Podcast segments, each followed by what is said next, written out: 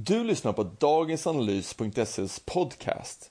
Idag pratar vi med Karin Nelson från organisationen SMIF som arrangerar konferensen och branschträffen Market Research och Customer Insight Summit. Dagensanalys.ses podcast. Hejsan och välkommen till dagensanalys.ses podcast. I den här podcasten pratar vi med Karin Nelson från organisationen SMIF om den kommande konferensen samt även om undersökningsbranschens utveckling. Hej Karin! Hej! Hur mår du idag? Jag mår alldeles utmärkt. Den här kommande konferensen, Market Research och Customer Insight Summit, vem tycker du ska gå på den? Dit tycker jag att alla som är intresserade av att lära sig det senaste inom marknadsanalys och research ska komma. Det händer så otroligt mycket inom branschen och eh, det är en fantastisk talarlista, den bästa någonsin skulle jag vilja säga. Så vi kommer att prata om vart branschen är på väg och, det kommer också vara väldigt många konkreta case som kommer att ge inspiration. Hur många deltagare förväntar du dig ungefär? Ja du, någonstans kring eh, 100 stycken kanske. Ja, ah, vad roligt. Så det blir ett stort gäng alltså som kommer att sitta och lyssna om research. Ja, och det är väldigt bra och intressanta människor som har anmält sig och jag hoppas det ska bli liksom en stämning i lokalen där, där man kan känna att eh, man kan lära sig av varandra också emellan sessionerna. Men du, vad, vad kan man förvänta sig av konferensen då? Alltså, vad, vilka ämnen kan man prata om och, och så? Ja, alltså konferensen tar ju fasta just på digitaliseringen av branschen som sker. Så att det är väl några saker. Vi kommer att prata om digitalisering, vi kommer att prata om internationaliseringen och också om den automatisering som sker. Och man försöker tre, se tre stora trender som påverkar branschen just nu. Och väldigt mycket är fokus på kunden, att förstå kundresan, att förstå den relationen som man har med kunden genom hela dess livscykel. Och I och med digitaliseringen så får ju research en lite annan roll i företaget. Det finns många andra datakällor att kunna dra nytta av. Och där finns det ju en del företag som, som är datadrivna från början, som till exempel Ticktail, som kommer att berätta hur de jobbar. Och så finns det andra företag som till exempel Coop som har jobbat väldigt konsekvent med att integrera andra typer av datakällor för att förstå research. Jag hörde också att Facebook ska vara där. Facebook ska vara där. Det kommer att bli superspännande att höra vad, eh, hur de tänker och hur de använder data och titta på hur kommunikationen fungerar via deras kanaler. Det här med research. Om man är nu en, eh, liksom en ny person in i den, den världen. Vad, vad, vad är research egentligen idag? Ja, research Alltså, man har ju pratat om stickprovsundersökningar och så vidare. Att det har varit eh, de, den traditionella branschen så att säga. Och den, den uppstod ju någon gång på kanske 30-talet och, eh, och har varit så väldigt länge. Men vad som händer nu i takt med digitaliseringen så blir ju research någonting, alltså det blir ju någonting annat. Vilket innebär, tror jag, att analysavdelningen får en väldigt annorlunda roll. Eh, analysavdelningen som har varit en, en, kanske en silo i företaget får mycket mer framskjuten roll. I vissa företag redan nu, till exempel sådana datadrivna företag som har det i sin affärsmodell från grunden. Men för andra företag så innebär det att, som sagt, att positionerna flyttas fram i och med att data finns från väldigt många olika källor, kan integreras och är en förutsättning för att kunna fatta faktabaserade beslut. Det intresserar ledningen, det intresserar marknadsavdelningen, det intresserar operations och så vidare på ett helt annat sätt än tidigare. Så research definieras om och blir mer en kunskap snarare än en bransch tror jag.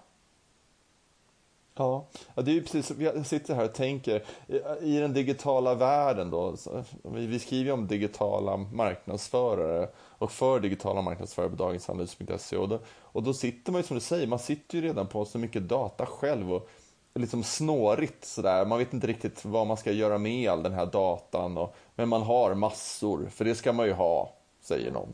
Då vill man ju ha någon liksom som hjälper en att hitta fram och, och, söka fram de här svaren som man måste ha. Mm. Är, det, är det det som är liksom research, uh, researchbranschens nya roll? Hålla de här, de som står på sina datahögar och hålla dem i handen lite grann? Ja, det kan man säga. Du är ju inne på, på någonting väldigt intressant. Att vi vet ju, företagen vet idag vad konsumenten köper, eller vad de läser eller vad de tittar på. Man vet var de köper, vad de konsumerar, man vet hur och man vet när. Men man vet inte riktigt varför. Och det innebär, det ger som konsekvens att eh, någonting som är väldigt positivt för respondenten enkäterna blir per automatik kortare för vi behöver inte ställa vad, var, hur och när. Vi kan koncentrera oss på varför-frågan. Det innebär att det kvalitativa får en mycket mer framskjuten roll. Det innebär att vi som jobbar som analytiker, antingen som säljare eller som köpare, vi får verkligen försöka förklara varför det ser ut som det gör. Och då blir det att, att vi behöver bli duktigare på att dra slutsatser ur all den datamängd som finns att det, stickprovsundersökningarna är en del i det analysmaterial som, som vi har. Det innebär ju också på något sätt att man kan säga att det blir en demokratisering av insikter för att det kommer, som jag sa innan, analysavdelningen får en mycket mer framskjuten roll. Vi som marknadsanalytiker, vi måste verkligen förstå affärskontexten som företagen befinner sig i. Vi kan inte leverera en rapport, ett powerpoint och sen gå hem igen eller gå tillbaka till vårt kontor igen utan vi måste vara delaktiga i att fatta beslut. Undersökningar görs agilt istället. Att man, istället för att göra en undersökning och sen så återupprepar man undersökningen om ett år eller om ett halvår. Istället så är det en pågående process där man testar sig fram och, och, och är, är delaktig i affärsutvecklingen helt enkelt. Och då blir det alltså en färdighet snarare än att vi, vi, är en, vi är en nischad kompetens inom företaget. Det blir många fler som blir delaktiga i det här. Så det innebär ett hot för oss som bransch i och med att branschen förändras och det sker en branschglidning. Men det också innebär en väldigt stor möjlighet att kunna verkligen göra skillnad. Och för respondenten så innebär det att det blir kortare enkäter och det blir roligare enkäter, det blir mer relevanta enkäter tror jag. Jag tycker det här låter jättebra. Jag är ju själv en gammal undersökningsräv som jobbade en gång på SIFO mm med opinionsundersökningar. Och jag kommer ihåg de här frågebatterierna som du sa, det var ju liksom halva undersökningen var ju bakgrundsvariabler och, mm. vet, och allt det där tråkiga.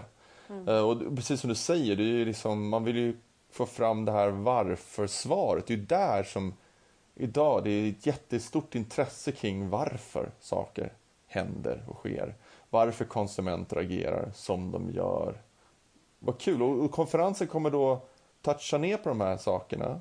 Absolut. Det kommer att, eh, det kommer att handla om, om de här sakerna väldigt tydligt. Väldigt mycket fokus på, på eh, köpresan, på konsumenten, att förstå konsumentens resa när man ska fatta ett köpbeslut och så vidare förstå den digitaliserade konsumenten, vilka möjligheter som det ger.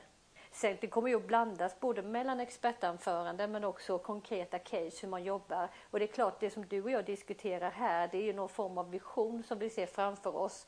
En del företag har kommit en väldigt lång bit på väg och andra är, och andra är mer i början.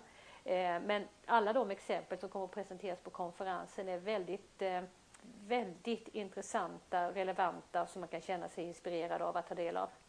Och du, sen är det ju en, en bra fest efteråt också. Ja, det är det. Det är det. Det ska bli väldigt roligt.